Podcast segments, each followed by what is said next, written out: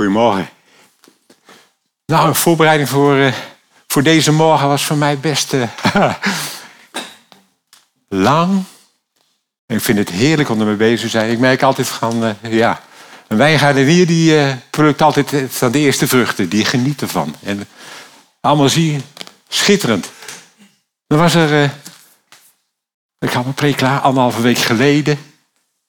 En ik was alleen niet tevreden over de intro. Het, ah, het wrong wat. En toen gebeurde het. De eerste openbaring die ik kreeg was op uh, een morgen.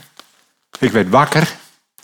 En in één flits, in één ogenblik, zag ik iets.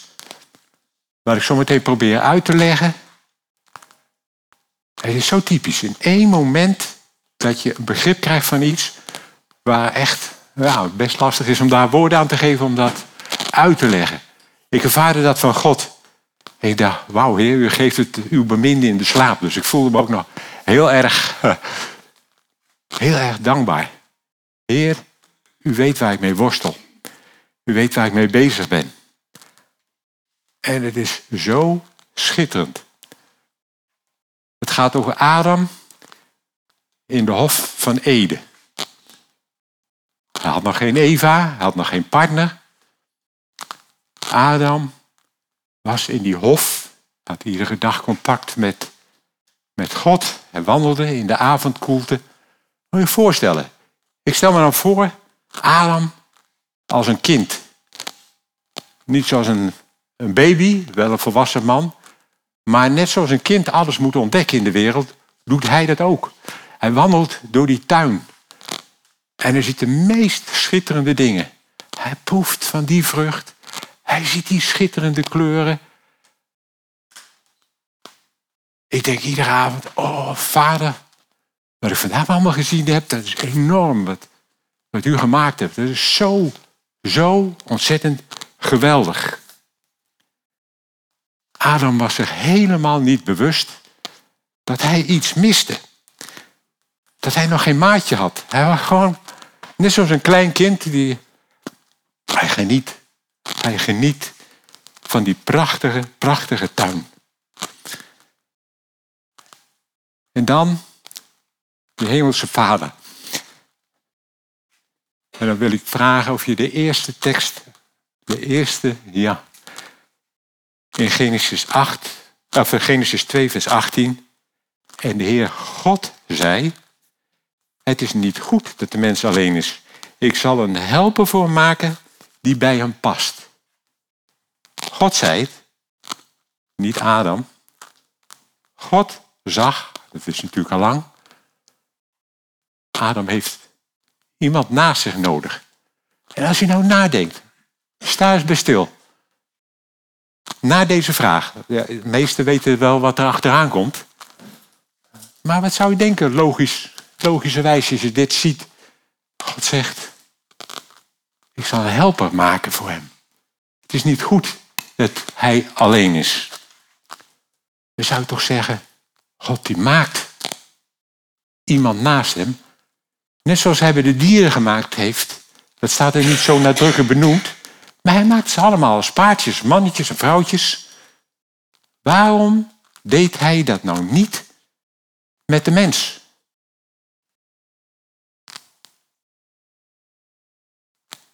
En dan moet je kijken wat er achteraan komt. Wat, de tweede dia alsjeblieft. Toen vormde hij uit de aarde alle in het wild levende dieren en alle vogels. En hij bracht die bij de mens om te zien welke namen de mens ze zou geven. Zoals hij elk levend wezen zou noemen, zo zou het heten. De mens gaf namen aan al het vee en alle vogels en alle wilde dieren. Maar hij vond geen helper die bij hem paste. maar dat vreemde, bijzondere manier van beantwoorden aan de behoefte van een helper. Adam was zich dat niet bewust daarvan. En wat deed God? Ik zie zo Zo'n liefde van een vader. Een vader zoals hij met zijn kind omgaat. Wat een tederheid, wat een liefde. Wat deed God? Hij liet al die dieren bij Adam langsgaan. Had meerdere taken natuurlijk. Want eh, hij, moest, hij mocht ze ook allemaal een naam geven. Maar om een naam te geven aan een dier moet je wel naar hem kijken. Wat voor karakter zit erin? Wat past nou bij hem? Ja, wauw. Dat zou ik die naam geven, weet je wel. Ik denk bijvoorbeeld uh, schaap, een heerlijk dier. Helemaal niet agressief. Nou, was in die tijd ook nog niet zo, denk ik. Maar gewoon een lief beest. Oh, dat is echt een schaap. Een beest wat leiding nodig heeft. Wat gewoon om je heen is en wat, wat volgt. En zo, al die dieren, al die vogels. Adam moest naar ze kijken en ze een naam geven. En dat deed heel bewust. Maar toen begon Adam zich op een gegeven moment te beseffen van verrek, ze zijn allemaal met z'n tweetjes. En ik ben alleen. Vind dat niet bijzonder. God maakte Adam bewust dat hij ook een partner naast zich nodig heeft. Waar hij gewoon de hele dag mee kan praten en genieten samen van wat ze in de tuin nodig hebben. En waarom doet God dat nou bij een mens anders dan bij een dier? Omdat hij ons als mens geschapen heeft. Hij wil, kijk, de dieren volgen gewoon hun instinct. En die, hè, die gaan achter andere beesten staan. Ik zie soms wel eens eenden vechten om, om een vrouwtje. Weet je wel? En uh, wanneer uh, het vrouwtje dan allemaal eentjes heeft en is mannetjes eend nergens meer te vinden.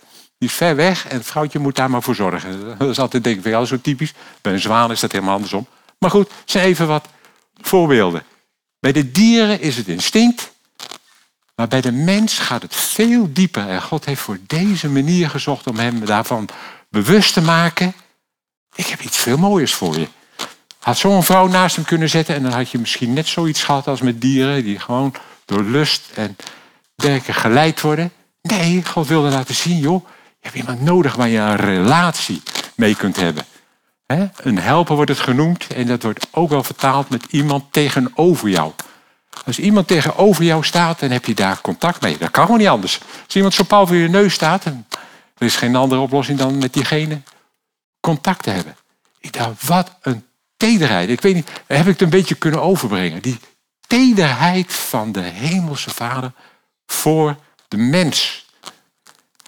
Oh, onvoorstelbaar. Echt wat een liefde van de vader. Adam die was zich niet bewust van zijn diepere behoefte aan een relatie. Zeg ik, God verleidt niet, God dwingt niet, God dringt niet aan, God nodigt uit. Hij stemt ons tot nadenken, hij zet een denkproces in gang, waardoor we gaan ontdekken veel diepere dingen. Nou, dat zag ik in één flits die morgen. En dat gooide mijn oude intro weg en dan kon ik hiermee ontvangen. Vind je niet fantastisch? Dat is onze hemelse vader. Nou zat ik gisteren in de auto. We moesten nogal wat heen en weer uh, rijden. Naar Alkmaar op en neer. Bij elkaar toch een drie uur in de, in de auto. En we zaten te luisteren naar aanbiddingsmuziek. Heerlijk. En toen gebeurde er iets in mijn, in mijn hart. Waardoor ik de rest van de preek kon weggooien. En iets nieuws op mijn hart kreeg. Waarvan ik ervaar, er is een nood in de gemeente. Er zijn mensen die hiermee worstelen. En ik had er een hele, hele diepe vrede over. Want ik weet niet hoe je, als je dit hoort, de liefde van God, waar we er ook van gezongen hebben, ervaart. En met name de mensen die die Bijbel in 90 dagen gelezen hebben, wat er allemaal staat in het Oude Testament, dat is ontzagwekkend. En ik heb begrepen dat er echt mensen mee worstelen. Is dit nou dezelfde God? Moet je eens kijken wat er voor bloed vergoten wordt. Het is echt ontzagwekkend. Ik word er soms ook wel, ik denk, mensen, kinderen. Hè? Al die priesters in de, in de tempel. Ik denk, hoe kunnen ze het allemaal aan? Soms hoor je iets van meer dan duizend offers op een dag. Hoe kan dat? Allemaal in het altaar. Dus ik kan me zo voorstellen dat zoveel mensen daarmee worstelen. Hoe is dat te rijmen? Die liefdevolle God met al dat bloedvergieten. Het lijkt zo tegenstrijdig. Het lijkt zo tegenstrijdig. Maar het is dezelfde God. En dat was iets wat ik me net tijdens het lied in één keer pas nu goed realiseerde. Al dat bloedvergieten, dat verwijst ergens heen. Al dat bloedvergieten, dat zegt iets over de liefde van God.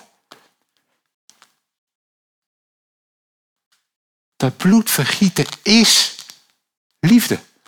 Zoals we zo zullen zien. Het verwijst naar Jezus. Het is niet anders.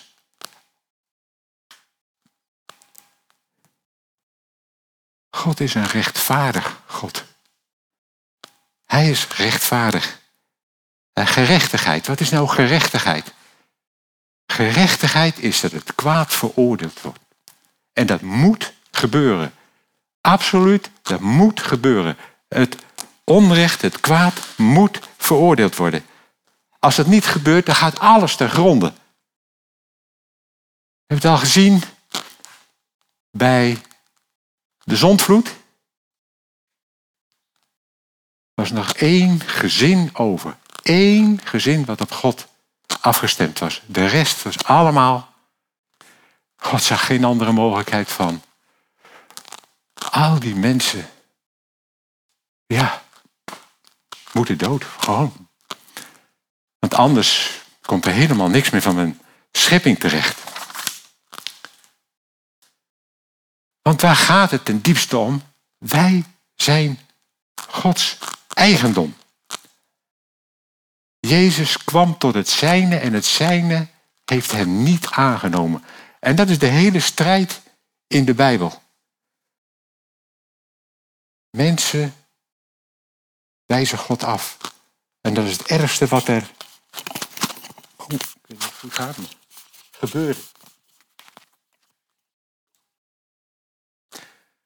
Dat is het ergste wat er gebeurt. Ze wijzen God af. En ook het vergieten van onschuldig bloed. Dat zijn twee van de meest kwalijke zaken. In 2 Koningen 24 vers 3 hebben we gelezen over Manasse. En God zei, hij heeft zoveel onschuldig bloed vergoten dat daar geen vergeving voor mogelijk is. Maar goed, iedereen die heeft dat wel gelezen. Als ik het ook lees zo, al die offers, maar ook al die mensen die uh, sterven moesten. Al die mensen, zo verschrikkelijk veel bloed. En dat, uh, ja, ik kan me voorstellen dat je daarmee worstelt. Vandaar dat ik deze boodschap vanmorgen ook voor mij brengen moet. Jezus zegt in Hebreeën 9, vers 22, zonder bloedvergieten vindt er geen vergeving plaats. Er is leven voor leven. Dat moet gewoon plaatsvinden.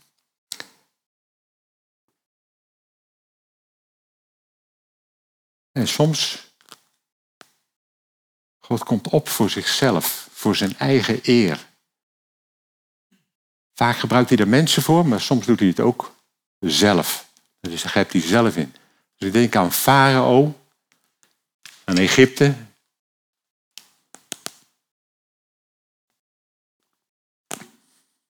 Al die plagen had Farao meegemaakt. En soms gaf hij toe, maar direct daarna weer los. Hij wees God af, ondanks al die tekenen die hij zag. Negen had hij er al gezien. Negen van die plagen en, ze verhard. Hij verhaarde zijn hart. Toen zei God, maar nou is het afgelopen. En toen zond hij, God, onze machtige God, zond één engel. En die doodde in één nacht alle eerstgeborenen van Egypte. Er was geen huis waar geen dode te betreuren was, staat er. God zelf deed dat. God komt op voor zijn eigen eer. Hij laat niet met zich spotten. Jullie hebben ook de geschiedenis van uh, Sanherib, de koning van Syrië, Assyrië, gelezen. Tenminste, degene die die Bijbel eh, gelezen hebben. Ik weet niet ver jullie daarmee bekend zijn. Ik lees het vaak niet zo. Uh, dus ik heb even wat kernpunten eruit naar boven gehaald om ook iedereen daarin mee te nemen. De koning van Assyrië die had Jeruzalem omringd en belegerd en had al veel overwinningen behaald. Maar oh, oh, oh, wat was die man hoogmoedig. Dit zegt de koning door zijn bevelhebber. Laat u niet door Hiskia misleiden. Hij is niet in staat u uit mijn greep te redden. Laat u niet door hem overhalen uw vertrouwen te stellen in de Heer. Oeh, als hij beweert, de Heer zal ons vast en zeker redden en deze stad zal niet in de handen vallen van koning van uh, Assyrië. Ik leg even de accenten verkeerd.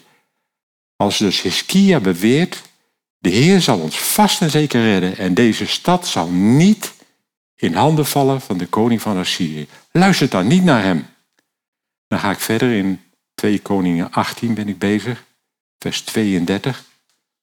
Ietsje verder, luister toch niet naar Hiskia die u valse hoop geeft met de bewering dat de Heer u zal redden. Hebben de goden van de andere volken hun land soms gered uit de handen van de koning van Assyrië? Waar zijn de goden van Hamat en Arpad gebleven? Waar waren de goden van Sepharwaim, Hena en Iwa? Hebben die Samaria soms uit mijn handen gered? Moet je nagaan wat er allemaal aan afgoden waren daar. Geen enkele God staat, is in staat gebleken zijn land uit mijn handen te redden. Hoe zou dan de Heer van Jeruzalem kunnen, de Heer Jeruzalem kunnen redden? Oh, ik denk, wat een hoogmoed, deze man. Wat een hoogmoed. En toen in 2 Koningen 19, vers 3. Hiskia heeft het, zijn probleem bij uh, Jezaja gebracht. Zit in die opgesloten stad, maar Jezaja is daar. En ze zeiden tegen hem, tegen Jezaja, dit zegt Hiskia, deze dag is er een van angst, straf en vernedering. Het is wel bij de geboorte waarbij de baarmoeder ontsloten is, maar de kracht om te baren ontbreekt.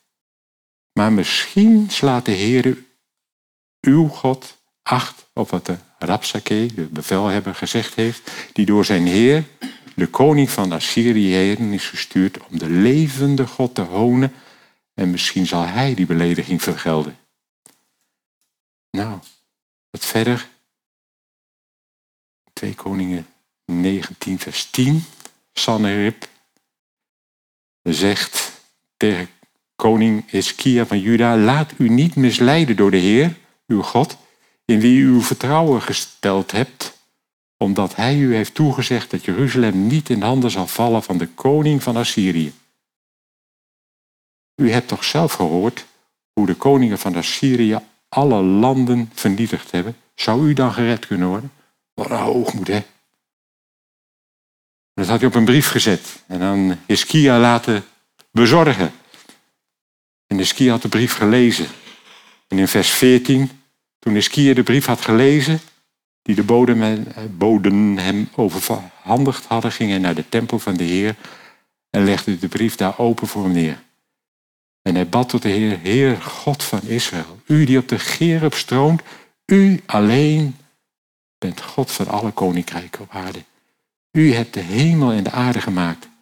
Leen mij uw oor en luister. Open uw ogen en zie toe. Hoor welke woorden Sanhedrip, de levende God, woont. Het is waar, Heer, de koning van de Assyriërs hebben de andere volken en landen verwoest en hun goden aan het vuur prijsgegeven. Dat waren dan ook geen goden, het waren maaksels van mensenhanden. Beelden van hout en steen die ze vernietigd hebben. Ik vraag u, Heer, onze God, red ons uit zijn handen opdat alle koninkrijken op aarde zullen beseffen dat u, Heer, de enige God bent. Jesaja, de zoon van Amos, liet Hiskia weten, dit zegt de Heer, de God van Israël. Ik heb je gebed over de koning van Assyrië gehoord. En dit is wat ik, de Heer, over hem zeg. Vrouwen zien Jeruzalem, minacht je. Ze lacht je uit. Meewarig schudt Jeruzalem het hoofd. Weet wie je hebt beledigd en bespot. Wie je hebt uitgejouwd en uitdagend aangekeken. Het was de heilige van Israël. Bij monden van de boden, van je boden heb je de Heer gehoond. Je zei, mijn strijdwagens brachten mij op de hoogste bergen, tot in de verste hoeken van Libanon. Zelfs zijn hoogste ceders velde ik, zijn mooiste die cypressen. Ik drong door tot in zijn diepste uithoek, tot in zijn diepste woud. Ik heb gegraven en vreemd water gedronken. De stromen van Egypte met mijn voeten drooggelegd. Dat zegt hij allemaal. Heb je, dat zijn zijn gedachten. Heb je niet gehoord dat ik dit lang tevoren beschikt heb? In een ver verleden nam ik naar voren en nu is de tijd gekomen dat ik het volbreng. Vers 27, maar ik ken je, ik ben op de hoogte van je doen en laten, zegt God. Ik weet heel goed hoe je tekeer gaat tegen mij. Ik zie je zelf genoegzaamheid. Je razernij is tot mijn oren doorgedrongen. Ik sla mijn haak door je neus en leg mijn bit in je mond en voer je terug over de weg waarlangs je gekomen bent.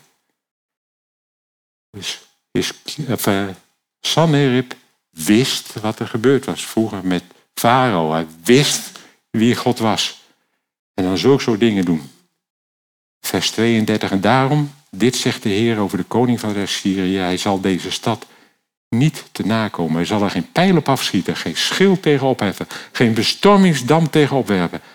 Hij zal terugkeren over de weg waarlangs hij gekomen is in deze stad, niet te nakomen, spreekt de Heer. Omwille van mijzelf, zegt God, omwille van mijn dienaar David zal ik deze stad beschermen en haar bevrijden. Diezelfde nacht trokken één engel van God, één engel te strijden en doodde in het kamp van de Assyriërs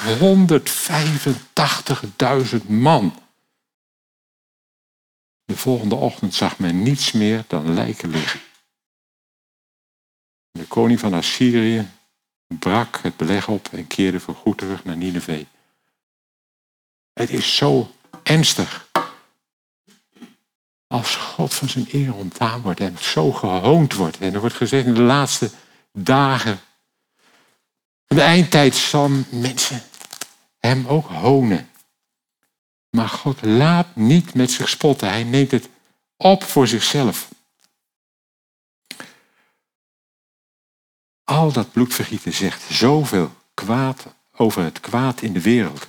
Al dat kwaad dat moet bestraft worden. Maar God had in zijn liefde een plan. Al die tijd al gehad. Zijn zoon Jezus de volmaakte mens. Hij was de volmaakte mens, volkomen afgestemd op de Vader. Daarom was hij, hij is zo kostbaar. En als je dit allemaal tot je laat doordringen, alles wat er gebeurd is, al die offers, al die mensenlevens, daar is Jezus voor gestorven. Hij heeft al onze zonden op zich genomen. Alles. Weet je, ik heb uh, tot vanmorgen, ook in openbaring gewoon. Ik heb een tekst die ik altijd zo moeilijk vond in, uh, in de Bijbel. Er staat in Jezaja 53, vers 9 tot 12. Ik kort het ook even weer in. Maar het behaagde de Heere God hem, Jezus, te verbrijzelen. Ik kan er niet bij. Hoe kan God nou zijn zoon willen verbrijzelen? Hij heeft hem ziek gemaakt. Als hij zijn ziel zich tot schuldoffer zal gesteld hebben, zal hij nageslacht zien. Hij zal hun ongerechtigheden dragen. Hij heeft de zonde van velen gedragen. En één keer, vanmorgen vroeg, ja misschien was jullie wel duidelijk, maar God doodde niet Jezus, Jezus had al onze zonden van iedereen, alle eeuwen, alles wat er, waar we een beeld van gekregen hebben in het Oude Testament. Maar het is ook allemaal doorgegaan in het Nieuwe Testament. Nu toe. Al die zonden, alles heeft Jezus op zich genomen. Hij heeft zich vereenzelvigd met de zonde. En God is rechtvaardig. Die zonde moest bestraft worden. Dus op dat moment zag God die Jezus niet. Hij zag al die zonden. Al die zonden die om hem gelegd had. Ja, wat een God hebben wij. Het is echt onvoorstelbaar. Ik bid zo vaak van, Heer, ik wil meer van uw liefde zien. En als ik dit zie, Jezus, we kunnen er niet bij wat u voor ons gedaan heeft. Al die zonden of heeft hij op zich genomen. En hij was het waard. Waarom? Waarom was hij het waard? Omdat hij Gods zoon was. Omdat hij zo gehoorzaam was. Omdat hij de vader zo lief was. Had. Hij is de enige. Oh mensen, we hebben zo'n grote God. We hebben zo'n enorme verlosser. Hij is zo groot. En daarom er is geen tegenstelling tot wat we gezien hebben. Die liefdevolle, tedere vader naar Adam toe. Hij is nog steeds dezelfde. Hij is dezelfde God voor ons. En wat dan opvalt in het Oude Testament, als ik het lees, al die geschiedenissen, ah, eindelijk weer iemand, een koning die God wil volgen, weet je wel. Dat maakt me weer blij. Ik zie er naar uit van, ah, wanneer komt er weer een koning die God wil volgen. Ha, Skia. Ha, Josia. Oh, verademing, hè, eindelijk, want het, het doet me wel verdriet. Maar dan denk je, al die, al die zonden is afgedaan. Die moesten toen, voordat Jezus kwam, bestraft worden. Op deze manier. Zonder bloed geschiet er geen vergeving. Maar toen, halleluja, kwam Jezus. Er is een nieuw tijdperk aangebroken.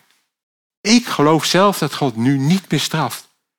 Johannes 3, vers 16 staat, al zo lief heeft God de wereld gehad, dat hij zijn enige geboren zoon gegeven heeft, opdat een ieder die in hem gelooft, niet verloren gaat, maar eeuwig leven heeft. God heeft de wereld lief gehad, voor iedereen. Dat hele offer is voor iedereen, voor allemaal. Ieder mens. Maar we moeten het wel ontvangen. We moeten het ontvangen. Voor ieder die in hem gelooft, gaat niet verloren, maar ontvangt eeuwig leven. Het enige wat we hoeven doen is ontvangen. Ontvangen. Omhelzen. Heer Jezus, dank u wel voor wie u bent. En nu zitten we in de genadetijdperk en God straft nu niet. Want Jezus heeft al die straf op ons genomen. Ik denk als die oude, oude testament was doorgegaan nu in ons leven. Wie had er dan nog geleefd van ons, vraag ik me dan af. Wie had er nog geleefd? Maar Jezus is gekomen. We hebben nu het tijdperk van genade. Maar toch, straks moet iedereen voor de rechterstoel van God terechtkomen. Iedereen. Die gerechtigheid zal plaatsvinden. En onze gerechtigheid heeft plaatsgevonden als wij ons vertrouwen op Jezus hebben. Heer Jezus, u heeft uw leven gegeven voor mijn zonde. Dank u wel, Jezus. Is er geen veroordeling voor ons. Maar iedereen die hem niet aanvaard heeft. Oeh, ik wil er niet aan denken, maar God is rechtvaardig. Gerechtigheid, dat is een deel van zijn liefde. Er is gerechtigheid bij hem. We leven nu in de tijd van het genade, in de tijd van het nieuwe verbond. Maar we moeten er wel bij heel erg bij stilstaan. God is teder. Hij is teder en hij is heilig. Daar hebben we mooi van gezongen vanmorgen. Hij is heilig. Nou, dat is wat ik op mijn hart had. Wat ik vanmorgen moest delen. Omdat ik ervaar dat mensen hiermee worstelen. Ik hoop dat jullie geholpen heeft. Ik hoop dat het jullie getroost heeft. Dat hij dezelfde is. Jezus Christus is dezelfde. Gisteren, heden en in de toekomst. Te denken aan Romeinen. Ik weet niet aan het eind van hoofdstuk 11 of hoofdstuk 12. Alles is uit hem en door hem en tot hem. Ieder mens zal voor hem komen. En ieder mens zal zeggen, Jezus Christus is hier. Dus al dat vergoten bloed, al dat bloedvergieten, is een directe heenwijzing naar Jezus. Jezus is daarvoor in de plaats gekomen. En dat wou ik vanmorgen met jullie delen. Dat ik op mijn hart. Heer zegen jullie.